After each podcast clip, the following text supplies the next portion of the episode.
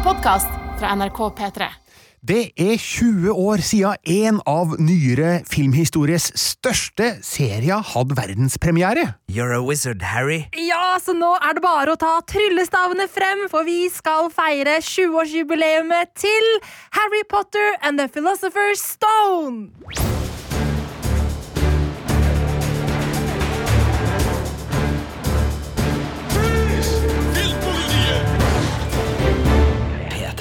Er det bare jeg som syns at det er helt crazy bananas at det er 20 år siden vi fikk møte Harry Potter på kino? Det er helt utrolig. Jeg føler meg plutselig himla gammel.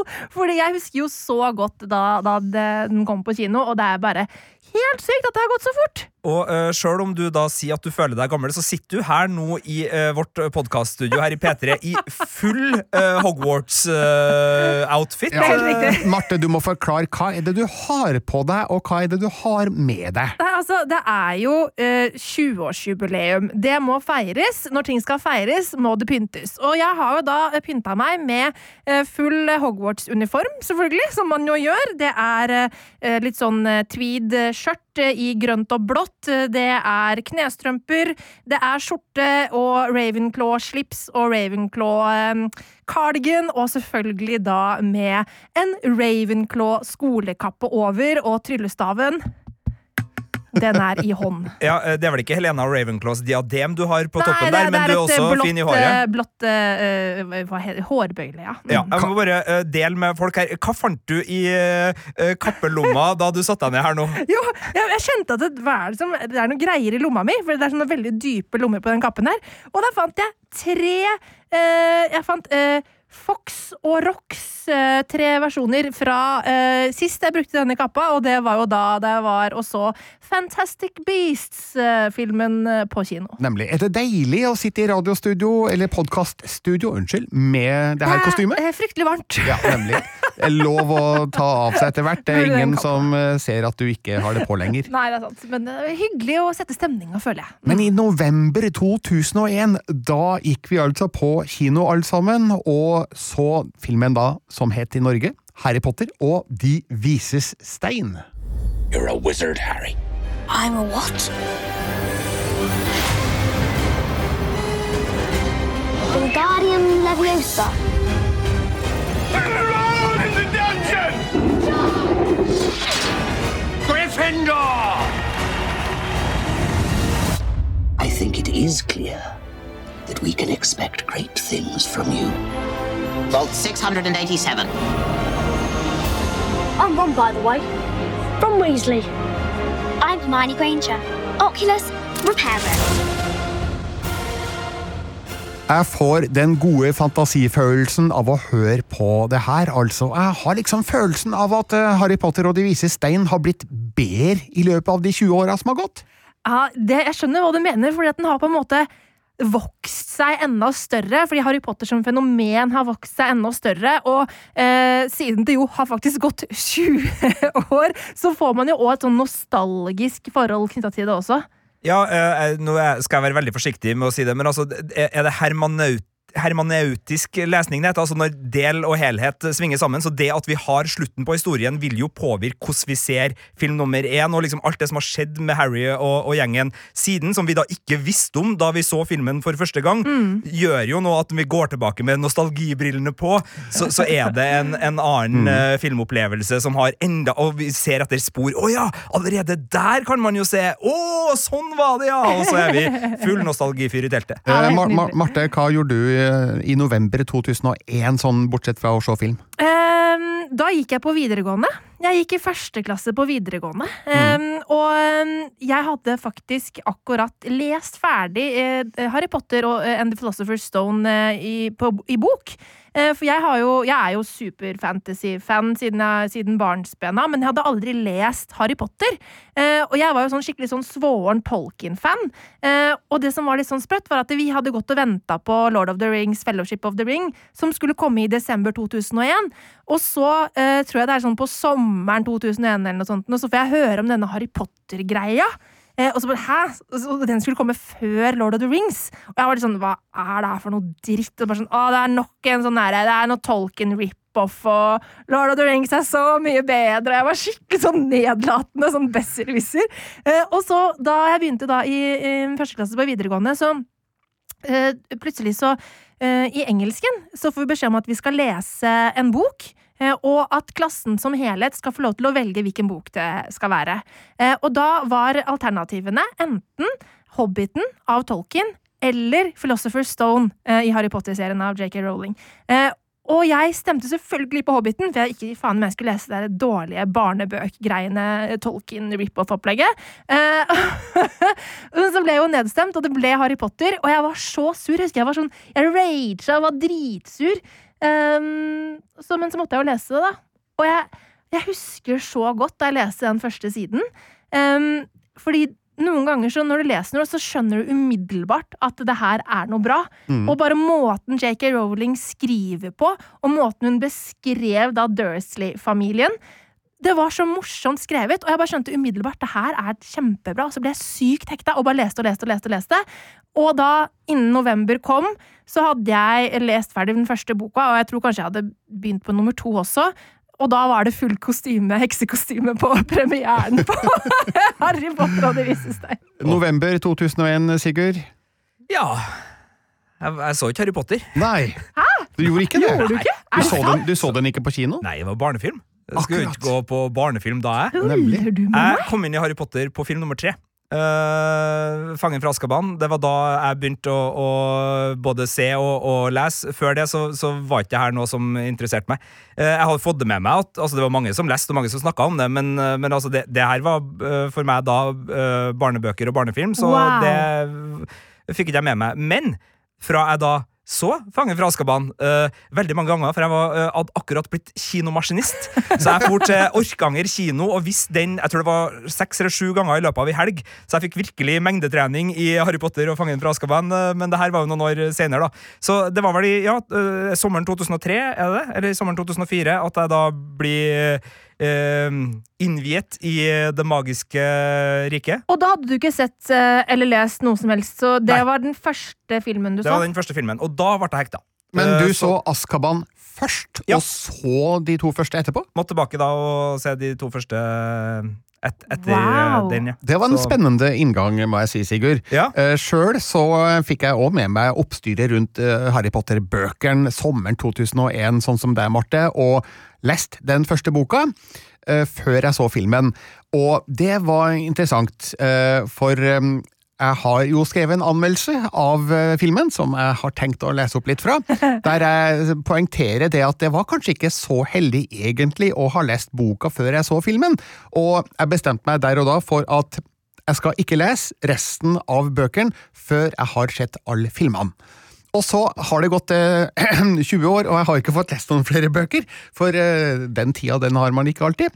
Men eh, jeg har jo tenkt at det må jeg på et eller annet tidspunkt bare gjøre, for eh, det er jo da sånn at eh, enhver film basert på en bok må kutte ut veldig mye av innholdet fra boka, og det var i hvert fall tilfellet med De vises eh, stein. Eh, og jeg kan jo da si at eh, filmen fikk terningkast fem av meg i november 2001, men jeg innleder da anmeldelsen med å skrive du behøver egentlig ikke se denne filmen, du har sett den før, i hodet ditt, det vil si om du har lest boka, sjølsagt. Alt er filma akkurat slik som det står beskrevet i JK Rowlings første bok om hele verdens favorittmagiker. Jeg vet alt som skal skje, og sånn cirka hvordan det vil se ut. Derfor føles filmen av og til litt kjedelig, har jeg skrevet da tydeligvis for 20 år siden. Likevel er det ganske gøy å se Harry i levende live. Og ja, jeg får jo litt lyst til å hoppe inn i Filmpolitiets tidsmaskin og dra tilbake til meg sjæl og si at ganske gøy, var ikke det litt avmålt, Birger Vestmo?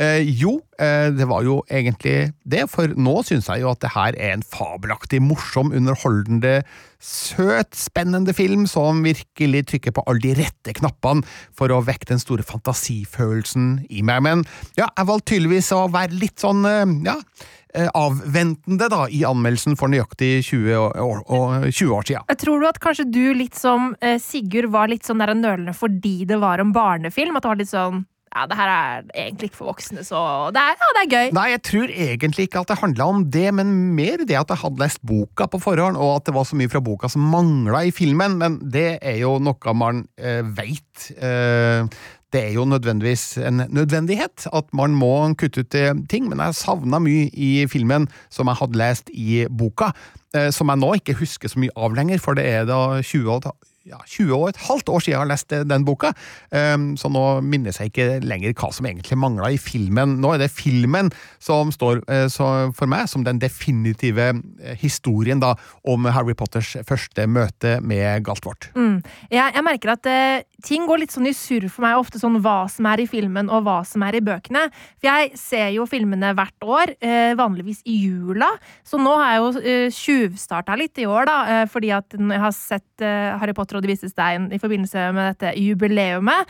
Um, mens uh, Og så pleier jeg sånn cirka kanskje å ha en sånn ikke nødvendigvis gjennomlesning, men en gjennomlytting uh, på lydbok, hvor da Stephen Fry leser alle bøkene. En gang i året er det det også.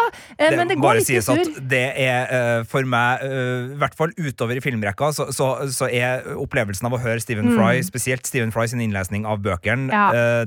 min aller beste opplevelse med Harry Potter. Det er det, helt nydelig. Selv om vi er i Filmpolitiet og vi skal virkelig hedre filmene her nå, og spesielt Ja. da første filmen, så, så er det noe, noe magisk. Men øh, øh, hvordan har liksom ditt forhold til den filmen da gjennom alle disse årene? Er det den samme filmopplevelsen når du ser den nå, eller som du hadde da for 20 år siden? Eller hvordan har det der utvikla seg for deg? I stor grad så er det så gjør den noe av det samme med at jeg blir like mye liksom revet med av magien i universet hver gang.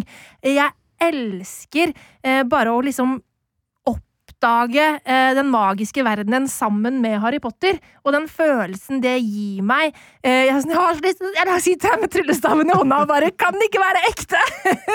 sånn at den, den følelsen har egentlig kanskje bare blitt sterkere og sterkere. Um, samtidig så er det jo en uh, film som jeg syns er veldig underholdende og veldig gøy, men man ser jo at den på en måte er laget uh, i 2000, og at den kom ut i 2001, uh, med tanke på effekter og, og sånne type ting. Så den, den, man merker jo at den er 20 år gammel, Ja. men likevel så er den jo fortsatt kjempeunderholdende.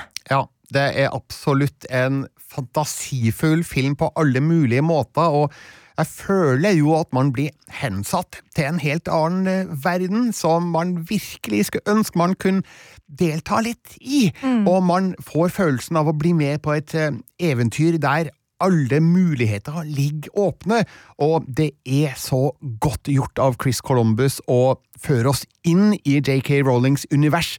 Så enkelt og effektivt, som eh, han tilsynelatende gjør. Altså, det er jo dritvanskelig å skape en verden fra en bok som så mange har et forhold til.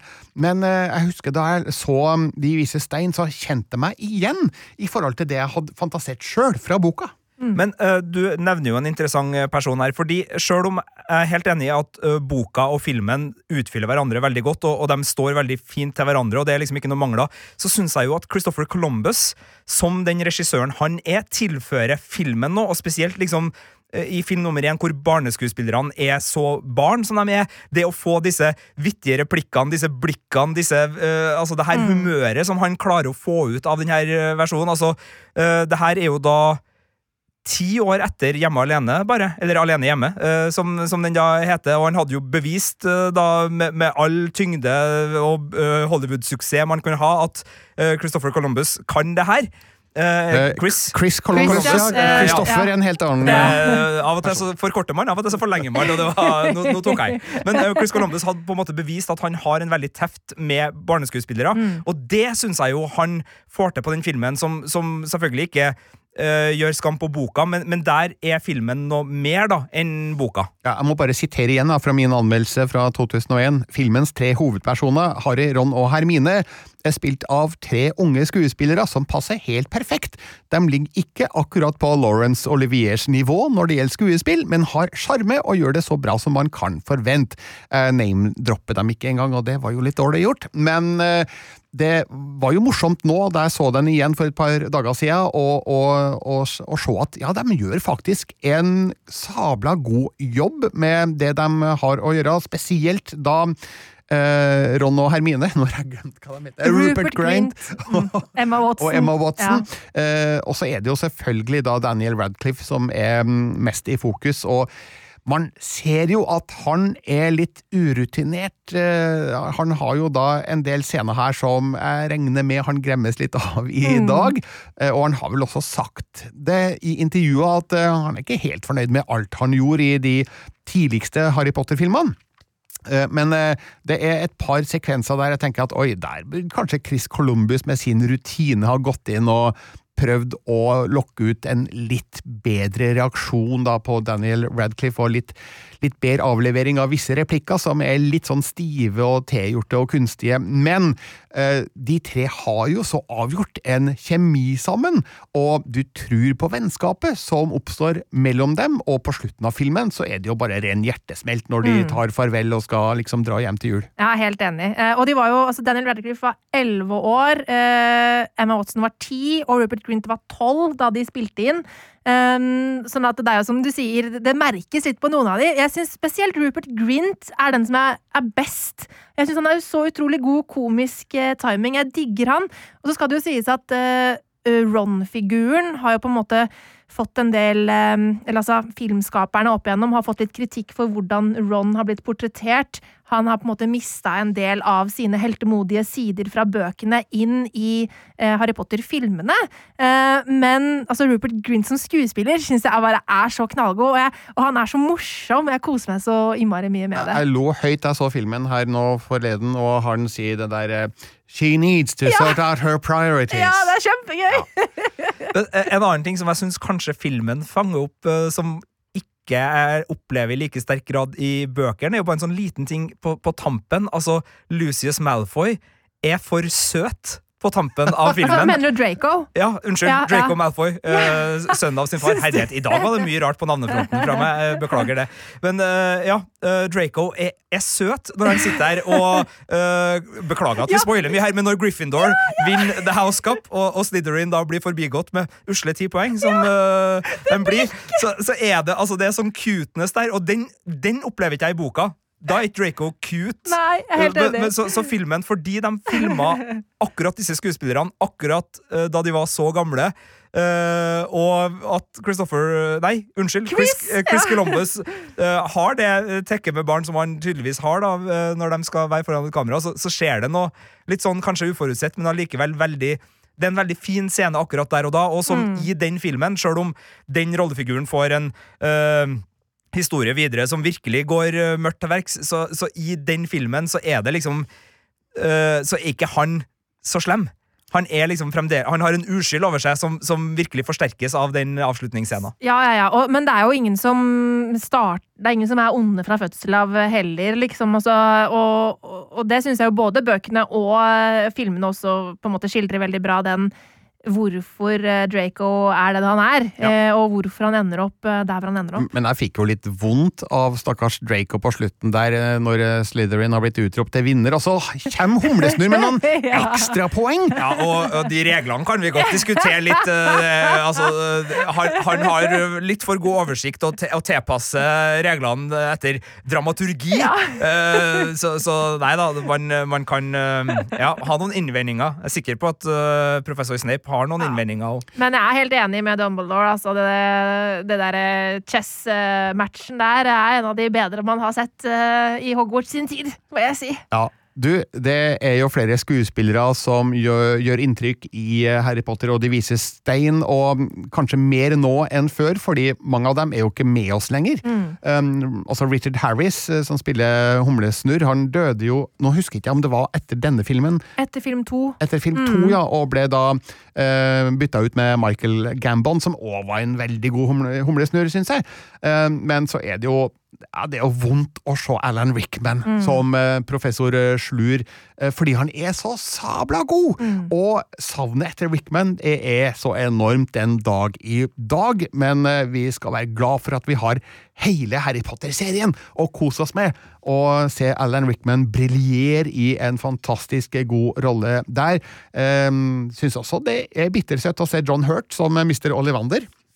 Eh, en liten rolle, men uansett et kjært ansikt å se i eh, dette universet, og det føles jo også litt godt da, at um, en mann som John Hurt, som jo har vært med i mange gode filmer, uh, han er jo da på en måte udødeliggjort da, gjennom Harry Potter-serien, som kanskje er de filmene som flest har sett med han i.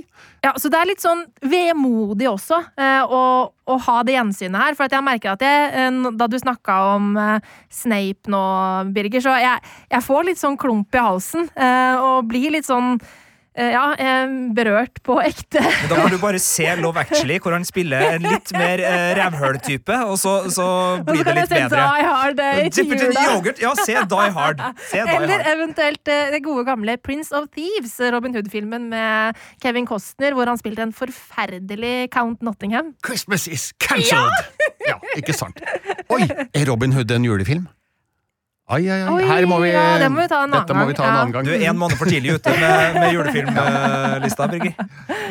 Men eh, Harry Potter og De vises stein den eh, er tilgjengelig litt overalt. Eh, du så den på Disney pluss, Sigurd? Nei, HBO Max. HBO Max. HBO Max. det vil si, altså nå har jo HBO Max kommet, og de har jo kommet med, med mange filmer. flere nye, blant annet Suicide Squad, The Suicide Squad og, og Dune.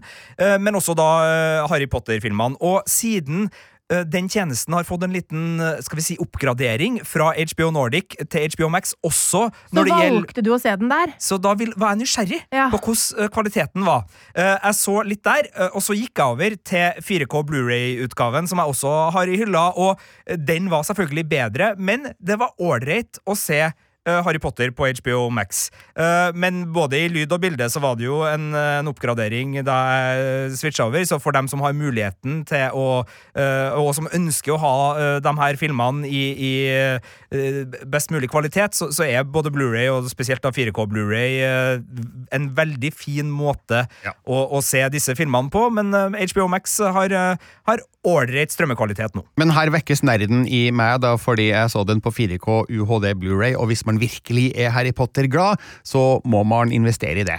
For eh, her får du da sett filmen i den aller, aller beste kvaliteten.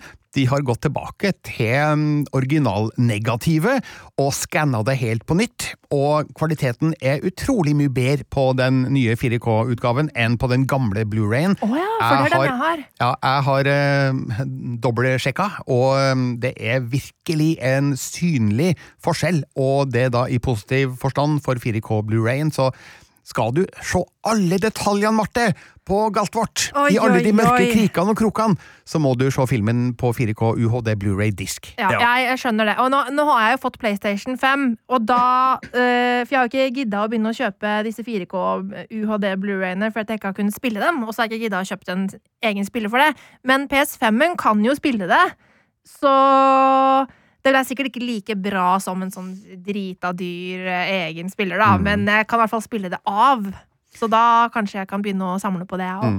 Men eh, hvorfor fungerer Harry Potter og De vises stein kanskje bedre i dag enn for 20 år siden? Jeg har tenkt litt på det, og eh, har noen eh, tanker som sikkert flere har gjort seg.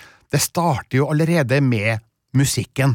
Altså John Williams-musikken fra filmen som innleder det hele.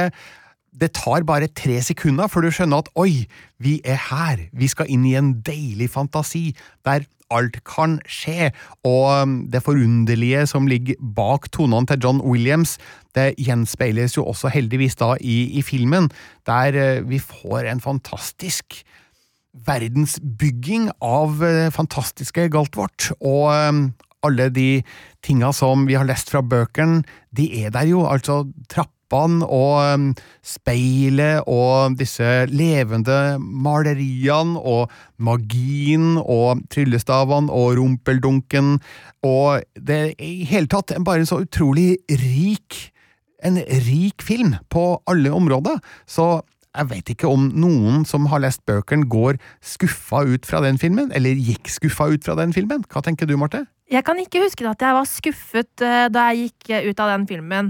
Eh, fordi jeg er jo en person som ofte går skuffa ut av filmer når de er basert på bøker jeg har lest. Fordi jeg blir jo en litt sånn derre ja, en liten sånn bokpurist. Um, og det er jo ting som eh, er kutta ut, uh, som nevnt, og som jeg har, husker jeg reagerte på. At 'oi, er ikke det med?' Så bare så, 'Oi, hvorfor får ikke Hermione lov til å uh, liksom uh, vise sin logiske sans eh, med potions eh, i den derre når de skal inn og, og knerte um, Ikke knerte Voldemort, da, men ja. Eh, Det er jo en hel del med Hermione som er borte der. Eh, Det er mange sånne ting som jeg savnet, men likevel så var det den der eventyrlige følelsen som filmen klarte å gjenskape så utrolig virkelig, og som du sier, den verdensbyggingen som er så utrolig bra. Eh, Sånn at jeg var veldig engasjert og gira da jeg hadde sett den filmen. Um, og var veldig sulten på å fordype meg videre inn i Harry Potter-universet. Eh, det er ikke kanskje sannheten for alle de andre filmene, for at, så jeg tror kanskje sånn Den første filmen er en av de bedre når det kommer til å bevare eh, Selv om det er en del ting som er borte, så er det Det er jo den tynneste boka, så den på en måte ja, bevarer kanskje mest av både magien og innholdet i bok eh, til filmadopsjonen. Jeg uh, syns jo det var veldig uh, fint å oppdage en ting som jeg ikke hadde oppdaga før, da jeg så igjen uh, filmen nå. Uh, og det handler om musikken, Birger. det her signaturscoren som, som John Williams har laga. Eh, man har jo eh, Det blir litt teoretisk der, men, men i eh, filmmusikk så har man diegetisk og ikke-diegetisk musikk, som da handler om det er musikk som tilhører fiksjonsuniverset eller ikke. Altså Hvis det er film som er lagt på som, som dem som er ja, for å si det enkelt, til stede ikke hører, så er det det er ikke diegetisk musikk, tror jeg, ja. Ellers er det motsatt. Og hvis jeg tar feil nå, så beklager jeg. det er her var jo sånn, eh, For andre gang i denne podkasten så eh, er det lenge siden eh, skolebenken. Eh, og det motsatte er da musikk som tilhører eh, fiksjonsuniverset. Og det som er så elegant, og som jeg ikke hadde oppdaga før, er at Hagrid sitter og spiller musikken på fløyte, Ja. som gjør at den går fra å da være score til å bli en melodi som spilles i filmen. Og det syns jeg var så utrolig elegant, og jeg måtte spore tilbake og se det en gang til. For å liksom bare sånn, Når er det det her skjer? For da var jeg liksom inn i den melodien. Den antydes så vidt å legge seg liksom inn i lydbildet, men så viser det seg da at det er eh, Hagrid som sitter der og, og fomler med, med trefløyta. Det skal sies at det høres ut som han er mye flinkere på fløyte før vi faktisk ser Hagrid. Uh, og da uh, halter melodien også uh, bitte litt eh, mer. Men eh, en veldig elegant, eh, fin liten sak som jeg ikke hadde fanga opp ved tidligere eh, syn. Og, og til alle de som eh, nå sitter og hører på, bare sånn ja ja, det er jo sånn har det jo alltid vært. Eh, Beklager at jeg ikke har fanga det opp før, men eh, for meg så var det en liten sånn godbit eh, ved det her gjensynet. Mm. Vi har eh, våre ulike oppfatninger om hva som er de beste øyeblikkene i Harry Potter og De vises stein. Eh, Marte, du har eh, bedt Sigurd og meg om å komme opp med våre egne favorittøyeblikk, men først så vil jeg gjerne høre ditt. Ja, det er rett og slett når Harry og Hagrid er på det like i cauldron, eh, og eh, Hagrid tapper på eh, mursteinen, og den går til side, og de går inn i Diagon Alley. Um, oi, skal jeg bli rørt av det? Eh, fordi bare den, den sånn undringen og magien og eventyrfølelsen som kommer når Harry går inn i denne magiske verdenen for første gang. Og på en måte få se alt rundt seg. Herregud, Henestas, nå må du skjerpe deg. Jeg griner, ok. Um, det er bare så fint. Ja, det er nydelig. Og um, uh, føler meg også hensatt til den store fantasien når Mm. vi kommer inn gjennom eh, den murveggen og ser det her forunderlige kvartalet som bare strekker seg langt eh, bortover. Eh, som vi har vært i, folkens. Ja!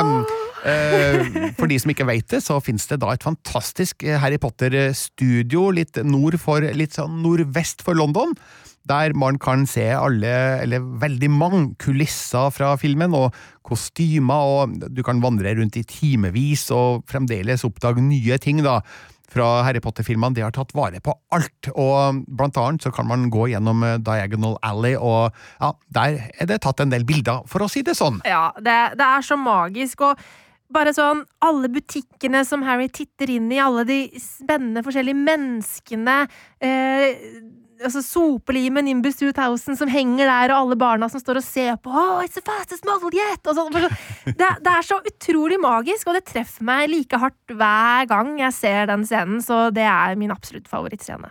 Sigurd, har du en eh, favorittscene? Åh, no, ja, det var veldig fint, Marte. Og, og, og jeg skjønner godt at det, det, er rørende. Jeg, kjenner på altså det. Det det med det å klare å fange en Mm. sånn magi. Og jeg tror jeg skal gå for ei eh, lignende scene. Jeg, jeg har selvfølgelig en, en softspot for en viss uh, I'll fight you, uh, Neville Longbottom-sekvens. Men Halloween-åpninga Ja. Altså Når vi ser uh, storsalen uh, på Hogwarts med Den er veldig fin da de kommer, og det er stearinlys uh, og, og på en måte eh, magisk nattehimmel, men med alle disse gresskarene. Og musikken, eh, som er jo fra, henta fra Shakespeare. Eh, Double, double, toil and trouble, fire burning, cauldron bubble. Det er jo helt nydelig. Og så blir det jo en deilig comic relief. Og, og, og maten. Altså Ja, det, og, og bare se den gleden. Og, du tenker på Harry, som har vært frarøva alt det her opp igjennom alle sine leveår. Aldri fått noe annet enn rester, smuler fra de rikes eller tjukkes eller fæles bord. Eh, og så får han da sitte her sammen med vennene sine. Ja. Med en overdådig fest. Det er nesten så man får lyst til å gå på kostskole, men bare nesten. uh, nei, det ser nydelig Og så kommer da Troll in the Dungeon! Ja. Uh, inn, så, så det er en fantastisk sekvens. Jeg lurer på om jeg gir den til den halloweenfeiringa, halloween-feiringa. Selv om jul også er oppe og nikker Ja. der, så, så er halloween-feiringa på film. I den første filmen nydelig. Og så var det bare for å si det for dem som erger seg. eh, Når vi snakket litt om musikken Diegetisk er da selvfølgelig den som naturlig hører hjem i universet, Ja. og ikke diegetisk Men- er den som er lagt på. Så det var, det riktig. det var, det Ja. ble riktig, Yes. sånn som ble sagt. Ja. Bra. Birger, Greit. Du, eh, som jeg sa litt tidligere i podkasten, jeg leste den første boka før jeg så den første filmen, og hadde skapt mine egne bilder i hodet eh, av hvordan ting så ut, og hvordan figurer så ut. Altså hvordan hele dette universet så ut i hodet mitt. Jeg var spent på om filmen kunne greie å matche det. Og spesielt da når de kommer med toget og setter seg i båtene og skal over til Galtvort. Jeg hadde så tydelig for meg hvordan Galtvort så ut, og var redd for at de skulle bortse det i filmen. Og så kommer Galtvort til syne, og dæven, det er Galtvort! De har greid å gjenskape Galtvort, akkurat slik jeg så det for meg. Kanskje jeg lurer meg sjøl her, da. Det er ikke sikkert at jeg så akkurat for meg at det skulle se sånn ut, men jeg ble bare så imponert over hvordan de hadde greid å visualisere Galtvort på en måte som virkelig, virkelig sprang ut fra boka, slik jeg hadde lest det, og jeg skjønte at eh, resten av filmen er sikra. Altså, kvaliteten, den er bankers, fordi de har greid å gjøre galt vårt riktig, og da var det på en måte ikke så farlig med resten. Jeg, jeg stolte på at Chris Columbus skulle greie å, å få det her i havn, og det syns jeg også han gjorde. Tror Ja. han heter Christopher Colombo. Men jeg er helt enig, Birger, eh, at det, på en måte, Hogwarts klarer å fremstå som et ekte sted, men likevel magisk sted. Altså, første gangen de eh, går opp trappene, og vi får se liksom hvordan de beveger seg, og alt det der er også så utrolig gøy. Og det bare Du opplever virkelig at det her er et sted hvor man kan gå seg borti. Uh, og ja, det er et sånt det, det ser riktig ut, men magien er liksom likevel til stede. Det er helt herlig. Det, jeg vil trekke inn en, en egenskap der som er ganske viktig, og, og jeg kan bruke Twin Peaks som et eksempel. Altså det å klare å bygge en småby som føles uendelig stor, Mm. og uendelig mystisk, og uendelig altså sånn, du, du, du vet at du ikke vet alt. Sånn klarte de å bygge uh, det her slottet. Uh, du vet at du ikke vet alt, og og det å sitte med den følelsen av at det alltid er noe bortenfor det du har oversikt over, det skaper en sånn utrolig god magekribling. Og det er den magien som Harry Potter da virkelig klarer, og, og, og den er lett å bomme på. Det er lett å liksom eh, avsløre for mye, eller presentere det på en måte som gjør at man føler at man eh, ser grensene. Og med en gang man ser grensene, og liksom føler at kartet er oppdaga, så, så, så kan sånne ting bli vanskeligere. Men her så føles det som at ok, jeg, jeg ser omrisset av Slottet, men det kan være uendelig stort. Det er egentlig bare tre ting jeg, som jeg husker, da, som ikke er veldig bra med filmen. Hvis man skal gå der, da. Det Skal du dit? Ja. Eh, Det første er, som jeg allerede har nevnt, en visse replikker man ser Ja. at eh, Daniel Radcliffe eh, spesielt da kun har løst bedre hvis han hadde fått litt bedre instruksjon, kanskje. Og så er det noen effekter som bærer preg av at de er laga for 20-21 år siden, og da tenker jeg spesielt på Kentauren, som Harry møter i skauen. En åpenbart digital kreasjon som ja, ikke hadde passert i dag, og de hadde heller ikke knekt eh, Voldemort-koden fullstendig i den første filmen.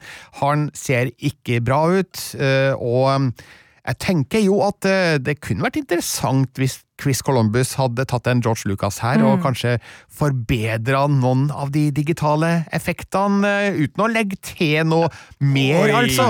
Ja, Oi. det, er, altså, det er jo farlig landskap å bevege seg inn i, men jeg skjønner hva du mener, Birger. Og det er sånn, eh, jeg syns, jeg syns Voldemort eh, har holdt seg litt for min del, men det tror jeg var fordi at selv om jeg gikk på videregående, så syns jeg det var en veldig litt skummel scene. Jeg synes det, det hodet, så den på en måte sitter såpass hardt i at den er med meg videre. Eh, Men, men mange av de andre scenene bærer jo preg av virkelig av at det er såpass gammelt. Og jeg, spesielt den scenen hvor eh, Neville sin eh, sopelim går litt amok, eh, og han faller ned fra taket og sånn, ser jo ikke spesielt bra ut. Så hadde det jo vært interessant, syns jo jeg, om de hadde tatt det og, og finpussa det litt. Men det er jo, det er jo og farlig, da. Dere Det er farlig.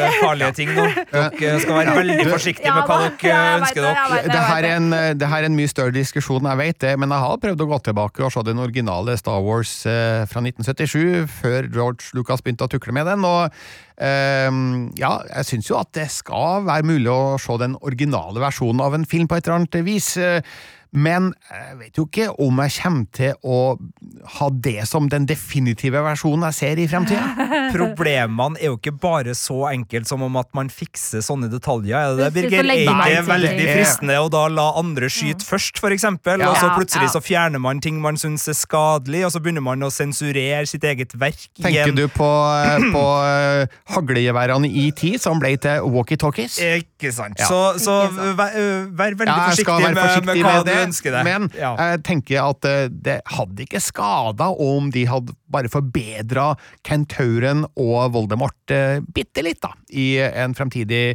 Harry Potter og De vises stein-utgivelse. Du ja. tukler med mørke krefter, Birger Vestmo. Ja, ja, ja, ja. Men eh, vi har bedt våre kjære podkastlyttere om eh, innspill eh, om eh, Harry Potter og De vises stein. Altså, hvordan husker de opplevelsen de hadde den gangen? Marte, du sitter på hele lista over innsendte bidrag. Ja, og vi har jo fått litt sånn generelt Harry Potter som fenomen, da. Fordi folk eh, er jo veldig Harry Potter-fan og, og sender inn litt sånn eh, diverse. Så vi har fått ganske mange mail, så jeg tenkte jeg skulle ta i hvert fall noen av de. Eh, og her har eh, Martin sendt oss en mail hvor han òg har lagt ved en hel haug med bilder, som vi dessverre ikke får sett, men jeg kan prøve å forklare så godt jeg kan. Men han skriver i hvert fall i Merlins huleste underbukser, god dag! Min kjærlighet til Harry Potter-universet er nesten for mye til å beskrive, så jeg skal holde det punktvis.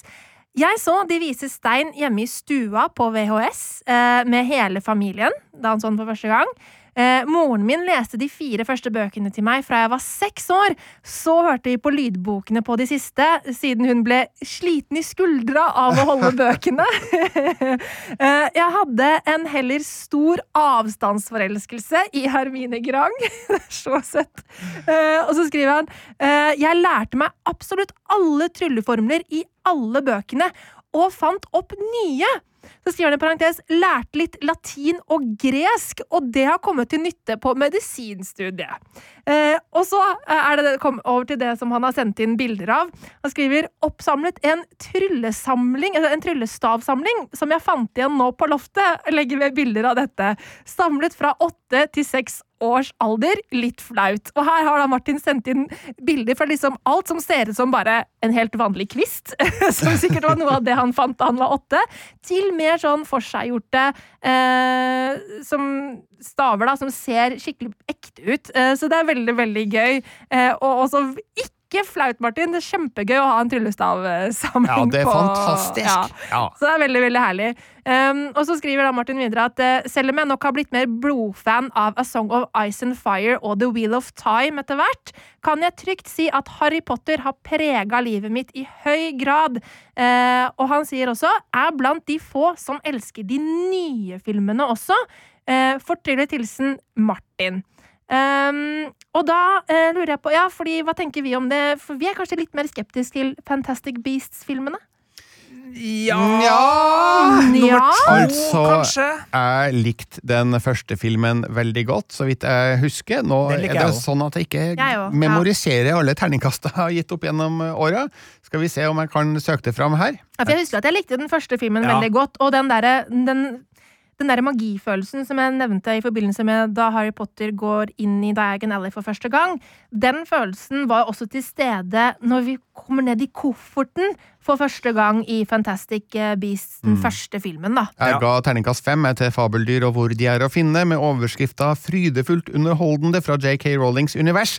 Og så var jeg litt mer avmålt til fabeldyr Grindelwalds forbrytelser. En firer på terningen der. Eh, Og overskrift 'Middels engasjerende magi'. Ikke Ja, sant? fordi eh, Vi snakka jo litt om spesialeffekter eh, og, og det at det er 20 år siden på, på film nummer én, men jeg syns vel den siste, altså Grindelwalds eh, forbrytelser, der Altså Det er ikke det at spesialeffektene er dårlige, nødvendigvis, men de blir uinteressante for meg på et eller annet tidspunkt. Altså det, blir, Mm. det, blir for, det blir en effektfest på slutten der, spesielt uh, Ja, uten det at er vi skal en spoile eh, eh, altfor mye. eh, såkalt ja. effektgrøt. Ja, eh, det, det Mm. syns jeg er en, en god beskrivelse. Så, så der er eh, blir det litt for mye effekter og litt for lite magi. Men den første uh, syns jeg både i fargepalett, stemning, tone, skuespill, humør, uh, fabeldyr osv. Ja. Er, er god. Så jeg kan eh, godt være med på den. Litt sånn som Hobbiten-trilogien, som starter med en god første film. Og det. som Marte ikke vil at vi skal snakke om, ikke snakke om eh, den eh, tredje filmen. Ja, eh, for deg som er litt ekstra interessert, så er jeg rimelig sikker på at du og jeg hadde en sånn supernerdete Harry Potter, Fantastic Beasts-podkast. Uh, uh, uh, for det, det har jeg funnet i notatene mine, så der kan man ta også søke opp i Filmpolitiet-feeden på på Filmpolitiet hvis man har lyst til å høre mer om hva man syns om for eksempel tidslinjer som går i surr og sånne type ting. Og hvis man vil ha enda mer Harry Potter-stoff, vi har jo laga en del, så kan man f.eks. også spore opp da eh, Martin Holmen, vår kjære Ja. kollega, eh, ble sortert. eh, mer eller mindre ikke mot sin vilje. Altså, han ble sortert, og det ville han. og skulle da finne seg sitt Men han hus. ble Men, Hufflepuff, og det ville han ikke. nå må du slutte å avsløre ja, podkaster som vi har i arkivet. Jo, Ja, han, han, ja. han var ikke fornøyd med I utgangspunktet i hvert fall ikke fornøyd med, Ja, ok, med hvor han ble sortert. Ja. Eh, eh, og den rekka kan jo vi ta også, eh, sånn at Ja. folk vet hvor de har oss. Ja. Eh, Jeg er da ifølge Pottermore eh, en Gryffindor. Du er Marte. Ravenclaw. Og Birger. Jeg husker ikke lenger jeg, hva jeg ble sortert som. Men, du tok jo testen! Ja, men det er jo lenge siden. Eh, Men jeg tror kanskje at det ble Gryffindor. Jeg tror Ja. også du er Gryffindor, så vidt jeg husker. Eh, Da vi var på nevnte tur til London for å Ja. Før vi Ja. går inn i giftshoppen, uh, Ja. så tok du testen, Birgit. Stemmer det. For å vite hvordan merch du skulle kjøpe med deg hjem! Ja, men jeg husker jo ikke hva jeg spiste middag i Nei, går. nei, nei. Men, men det, det er jo jeg skjønner liksom at man av og til kan være skuffa når man har tatt den testen, fordi eh, litt sånn ut, utgangspunktet så har jeg litt inntrykk av at de fleste har lyst til å enten være Gryffindor eller har lyst til å være Slytherin. Uh, så jeg husker jeg også ble litt sånn ble jeg ikke Gryffindor da jeg, da jeg tok den Pottermore-testen? Men så leste jeg masse om uh, huset, og, og følte meg skikkelig truffet. Og det der er faktisk en morsom greie, fordi uh, jeg har drevet og rydda i um, i boden min for tida, fordi at eh, mamma kom på besøk eh, i, til jula, og det betyr at jeg må begynne å rydde allerede nå. eh, og da må jeg rydde ut av boden for å få plass til all dritt jeg har ellers i leiligheten. Så jeg har begynt å rydde i boden, og så fant jeg masse sånne kort eh, fra da jeg ble født. Eh, sånn eh, hilsenkort til foreldrene mine. Og der var det, Jeg er jo født i august, og der sto det veldig mye sånn derre Å, også en løvinne, da! Oi, et løvebarn! Og bare Å, løve, da! Eh, eh, Det var eh, hovedsakelig fra damer som hadde skrevet disse kortene om stjernetegn og sånn. Men jeg føler at eh, Ha- Harry Potter og Hogwarts hus har tatt over det som var 80- og 90-tallets stjernetegnopplegg. Nå er det, Ingen bryr seg om hvilket stjernetegn du er, men folk bryr seg om eh, hvilket Hogwarts-hus Det er noen som bryr seg om stjernetegn, Marte. Eh, Det fins der ute eh, noen som bryr seg om stjernetegn. Ja, men jeg føler at det er både sånn det, det, det, den, Kanskje bare er meg. Jeg bryr meg mest om Hogwarts-huset. Men, men hvorfor er du en Ravenclaw, Marte? Jo, altså, uh, Ravenclaws Én ting er jo på en måte at man har interesse for kunnskap og, og liker å lese og alt mulig sånn der er de tingene. Uh, og ofte så er det jo liksom de som er litt smarte og sånn, som havner der. Um, Hermione var, var for eksempel uh, altså The Sorting Hat vurderte å putte Hermione i Ravenclaw, men hun endte opp i Gryffindor. Uh, men det er også um, en sånn, et fokus på at her kan alle få lov til å være seg sjæl, og har et fokus på det å uh, kunne virkelig få lov til å leve ut sin egen identitet. Sånn at i Ravenclaw så er det en god del uh, eksentriske folk. Eh, og så det, det føler jeg Og jo hvem sin tryllestav er det du har? Eh, Det er Luna Lovegood, som er en av mine favorittfigurer i Harry Potter-universet. Og hun er jo absolutt eksentrisk. Hun er det. Nydelig eksentrisk. Ja. Jeg, jeg husker ikke hvorfor jeg ble Gryffindor, eh, hvis det var det jeg ble, men er sikkert fordi at eh, Nei, det, det er jo Streitehuset, da, er det ikke det? Eh, Altså, du Det er er jo! Altså, En filmanmelder Ja. eh, er jo i hvert fall en som har holdt på med, med filmanmelderi i, i over 20 år. Birger, du er jo en modig mann, så jeg tror nok det er derfor du, du havna i, Ja. i Gryffindor. Kan jeg ta en mail til? Ja, ja, selvfølgelig. Eh, fordi Jeg har fått en mail fra en som heter Solveig, som skriver Jeg begynte å lese Harry Potter da jeg selv var 11 år gammel. Og jeg ventet spent på hver bok, eh, og det føles ekstra gøy å kunne følge gjengen på Galtvort in real time. For jeg var jo omtrent like gammel som dem. Det var kjærlighet fra første side. Jeg var totalt frelst. Eh, Da bok nummer fem skulle komme i salg, hadde den lokale bokhandelen et stunt hvor de holdt åpent til midnatt, slik at man kunne sikre seg boka noen timer før. Dessuten skulle de 30 første kjøperne få en Harry Potter-T-skjorte. umotståelig for en hvilken som helst blodfan. Men det var skole dagen etter, og det kom ikke på tale å fly ned i byen ved midnatt. Skuffet måtte jeg innse nederlaget og krype til køys. Og så blir jeg rørt igjen. Eh, Men plutselig kom pappa inn og sa at hvis jeg lovet å gå rett og legge meg igjen, kunne vi ta en kjapp sving ned og kjøpe bok. Jeg var over meg av lykke, og under ti minutter senere kastet jeg meg over bøkene som sto oppstilt i bokhandelen. Det ble til og med T-skjorte, som jeg selvfølgelig hadde på meg mens jeg smugløste under dyna senere den kvelden. Jeg vet ikke hvorfor jeg griner av det. Det er en Nydelig historie. Ja, så er det bare det er et eller annet med den der lesegleden som jeg føler at um, Harry Potter har inspirert i så mange barn. Da. Og der har jo også selvfølgelig filmene bidratt, for jeg tror det er ganske mange som har sett filmene og så oppdaget bøkene via det. Um, Jeg er en av dem. ja, ikke sant? Og jeg elsker synes jo bøkene. utrolig fint å, å høre om, så tusen takk for at du sendte inn den mailen, Sola. Ja, vi har jo Dessverre, det er jo sånn at når man blir voksen, så mister man litt av den lesegleden man hadde som barn og ungdom, og evnen til å leve seg inn i et univers som, eh, som, er- som Harry Potter, da, eh, mener jeg, den teori jeg har, det er kanskje noen som vil være uenig med meg der, men jeg tror at man har Ja, men lever du deg like kraftig inn i Å, ei ja. bok nå, føler du, som for 20 år siden? Ja, jeg gjør det. Altså, jeg når jeg oppdager, Men jeg leser jo mye fantasy, og det har jo noe med det at da er det disse universene som man virkelig liksom uh, kan fordype seg i, og jeg blir veldig revet med og investert, og, og, og gjør som eh, Solveig gjorde da hun var uh, barn, og, og leser til langt på natt, uh, fordi jeg syns det er så spennende. og ja, så jeg, jeg, jeg gjør det, men det er nok forskjellig fra person til person. og Jeg tror nok det er sant for mange at den der barnlige lesegleden kanskje forsvinner litt med åra for en del.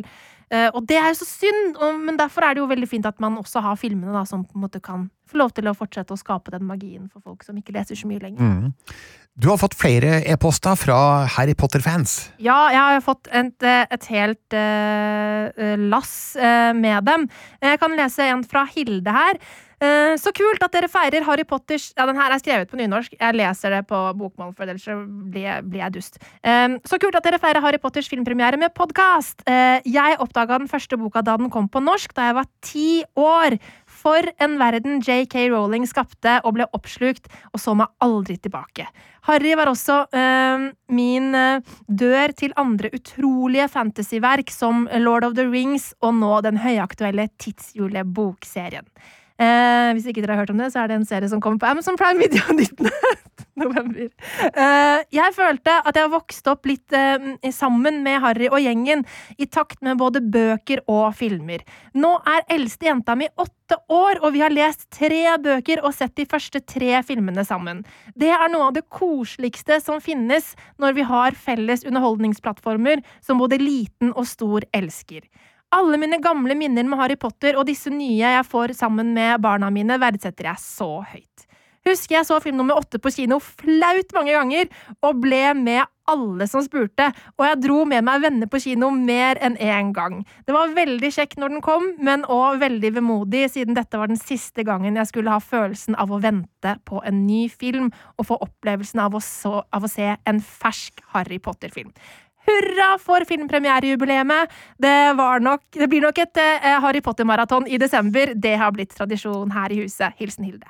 Ja, du, Det høres ut som en utrolig fin tradisjon, som jeg vet du òg har, Marte. Yep. Jeg har dessverre ikke hatt den tradisjonen, men nå så jeg da som sagt De Vise Stein for et par dager siden, og det var et såpass knasende hyggelig gjensyn at jeg lurer faktisk på om jeg blir nødt til å se resten av serien nå eh, med det samme, mens jeg har den første friskt i minne. For jeg kjente jeg har savna Harry Potter eh, litt. Nå har det jo allerede gått noen år siden den siste Potter-filmen kom, og ja, jeg vet fabeldyrfilmene har jo også kommet da i mellomtida, men eh, det var et eller annet spesielt med Harry Potter-serien som eh, som virkelig var filmatiske høydepunkt sjøl. De filmene som kanskje ikke var helt terningkast fem, men fire. Og jeg vet ikke om noen av de var ned på treeren også. Nei, jeg tror kanskje ikke det, men uh, usedvanlig fin serie å ha i bokhylla si, eller i filmhylla si, da.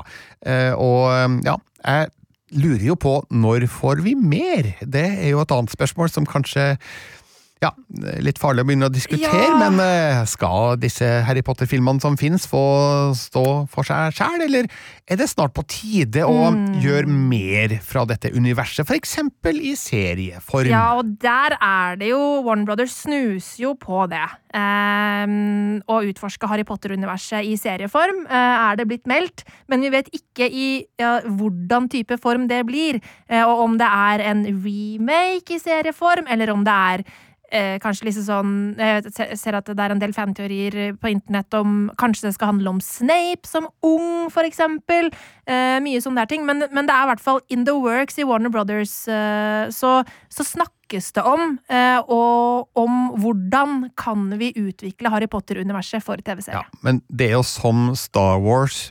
Det er et for godt Mm. univers til å, at det ikke skal brukes til noe lenger. Jeg er helt enig. Og der hvor, der hvor jeg jo er litt kritisk til Fantastic Beasts-filmene, så, så er jeg jo på ingen måte kritisk til uh, disse altså seriene vi får i Star Wars-universet. Hvordan vi har blitt virkelig liksom revet inn i dette universet igjen og, og får lyst til å utforske det mer. Og jeg håper jo egentlig at det er noe som vi kan få i dette universet også, fordi det er bare så utrolig gøy å fordype seg i det derre magiske og få lov til å liksom få lov til å være i dette, ja, i denne verdenen.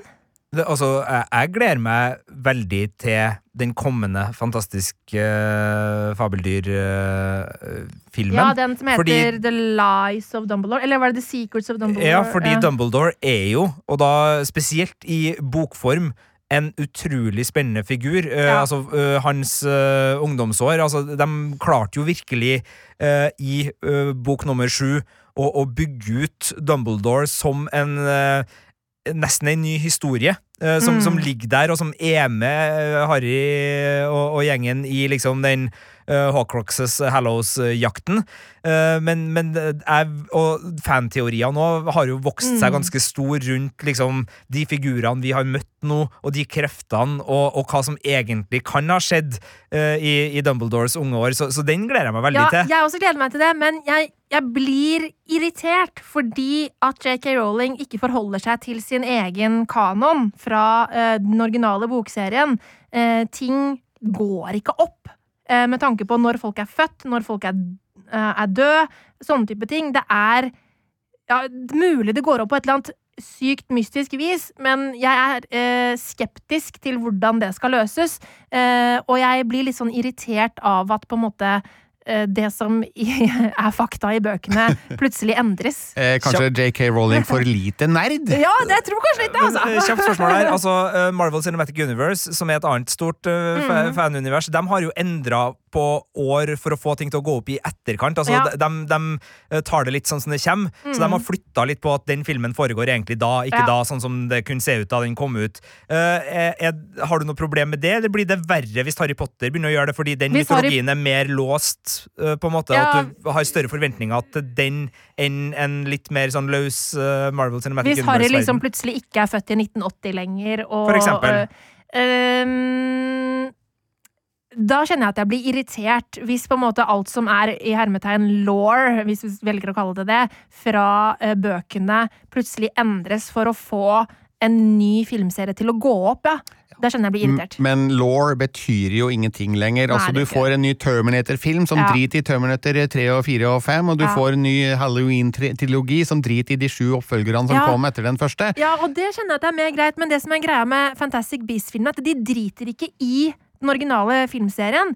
Den, den er jo laga for å øh, bygge opp til den, og for å liksom, det, Når prinsippet på en måte for den nye filmserien er for å legge og vise oss hvordan øh, svart magi og hvordan på en måte Voldemort hadde et øh, på en måte grunnlag for å eksistere, på en måte. Eh, via at, hvordan, ja, det grunnlaget som ble lagt av eh, Grindelwald. Eh, Når de vil at det skal henge sammen, da blir jeg frustrert eh, når det er feil. Nemlig. Ja. Men vil alle ha det sånn, eller er det bare de som Nei, er litt det- for opphengt i Harry Potter? er, Det er de som kommer på jobb i full Ravenclaw. og Ravenclaw. Ja, og sitter og veiver med tryllestav under en hel Jeg lurer på hvilke forbannelser hun har påført oss underveis her. Hvis det har vært sånn småting og ikke har vært helt enig i. Så, Beware! ja. Hvis jeg har eh, grisehale når jeg reiser meg nå, Birger, så, så si gjerne fra, for da må vi eh, fikse noe greier. Men kan jeg bare få lov til å ta én bare siste mail her nå, som jeg syns var så fin? Um, jeg skal ikke lese 100 mail, altså, men det er en veldig fin her som er fra Helene, og som også går på det med leselyst, som tydeligvis er det mye av det som går igjen i hvilke mailer jeg trekker frem her. Uh, her står det Hei, jeg er en enorm Harry Potter-fan. Som ung jente med dysleksi var det å lese ikke alltid gøy. Men så begynte pappa å lese Harry Potter for meg, og jeg var hekta. Han leste de tre første eh, kapitlene for meg før jeg dro eh, på sommerferie med mamma. Boka ble med, men jeg fikk også klar beskjed om å ikke lese videre før jeg kom hjem igjen. Og jeg holdt meg lenge. Jeg leste de tre første kapitlene om igjen og om igjen. Tror jeg må ha lest det minst fire-fem ganger før jeg sneik meg til å lese ett helt kapittel lenger. Jeg kommer hjem fra ferie og fortalte pappa aldri at jeg hadde lest videre. Når siste boka kom ut, fikk jeg kjøpt den på Gardermoen før avreise for nok en sommerferie. Boka er på 600 sider, og jeg raste meg gjennom de 300 første. Så innså jeg at de neste 300 sidene ville være de siste sidene med Harry Potter jeg noensinne leste. Ah, Så eh, jeg prøvde så hardt jeg kunne å ikke lese det for fort, for jeg ville ikke at det skulle ta slutt. Men det gjorde jo det. Men min kjærlighet til Harry Potter er for evig. Bøkene forandret livet mitt, og jeg er så takknemlig for at jeg var i den alderen jeg var, så jeg kunne vokse opp med spenningen rundt det hele. Hilsen Helene. Veldig bra reverse psychology av Ja. pappaen til Helene der. Ja, det står respekt av, av den.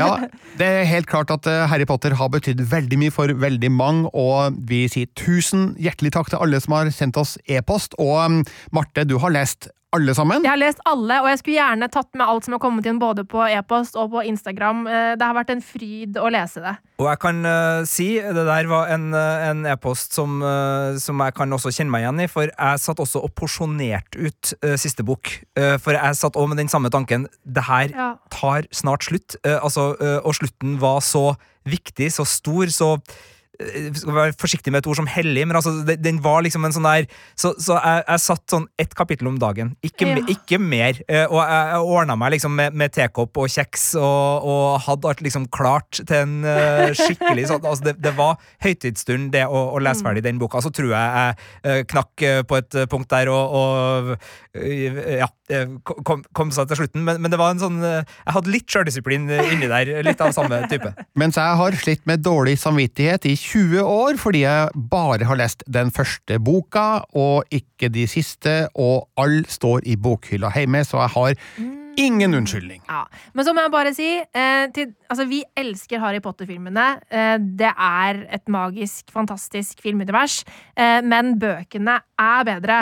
Eh, men hvis du som hører på kanskje syns det er slitsomt å lese, syns det er vanskelig å lese, og alt mulig sånn der, så er lydbøkene også helt nydelig. Eh, og det å sitte og høre eksempel Stephen Fry, som leser da en av eh, lydbøkversjonene, som leser da Harry Potter for deg med helt fantastisk innlevelse. Det- ja, nå skal, jeg, nå skal jeg ta min, eh, min tryllestav og eh, pocketed, eh, pocketed på innerlomma. Det, Ja. det, det er et ord uh, Som Stephen Fry sliter litt med å uttale. ja, og som har vært i dialog med, med forfatteren sjøl om Ja. hvordan han skal, skal uttale, Ja, og så finnes det noen artige YouTube-videoer. Harry Potter took his wand and pocketed it. Han spurte visstnok JK Rowling om han kunne si and put it in his pocket isteden, og han fikk nei. Altså, pocketed, eh, Ja. er det vanskelig? altså verbet pocketed Po- it. Pocketed? Ja, pocketed it. He pocketed it. Pocketed. Ed. Og så er det pocketed. Jeg tror det. Det, det, er to, det er to edder på slutten der. Ja. Edded. Pocket Pocketed. He pocket it. Ok. Ok, Det- Filmpolitiets eh, podkast til glede og irritasjon for alle som Det, vil det her eh, burde Steven Fye Fry fikse, altså. Men, Men- det er en, og det kan man jo bare si, av alle, eller altså veldig mange av de mailene vi har fått, og som vi ikke har lest opp nå, så er Steven Stephen Fry sin lydbok også nevnt. Så Ja. det er en veldig sånn folkekjær versjon av bøkene, og det er min foretrukne. Det kan jeg med hånda på hjertet si. Det, nå hadde jeg en bokrunde der jeg hørte gjennom alle i fjor, november, desember. Nå har jeg jo begynt på filmrunden. Jeg så også da ø, Mysteriekammeret rett etter sett igjen. Så Ja, nå er jeg på det. filmkjøret. Men det er ikke lenge til jeg går tilbake til Stephen Fry og hører alle bøkene på nytt igjen, for du verden, det er magi. Det er på det rene at vi elsker Harry Potter, og vi elsker spesielt kanskje Harry Potter og De vise stein. Det er 20 år siden den hadde verdenspremiere, og vi oppfordrer alle til å avlegge et nytt besøk til Galtvort og Harry Potters fantastiske univers. Vi kan også høres på P3 hver søndag fra 12 til 15. Du finner våre anmeldelser på p3.no anmeldelser, og i studio i dag har vi hatt eh, Sigurd Vik? Marte Hedenstad. og Birger Vestbo. Du har hørt en podkast fra NRK P3. Hør flere podkaster i appen NRK Radio.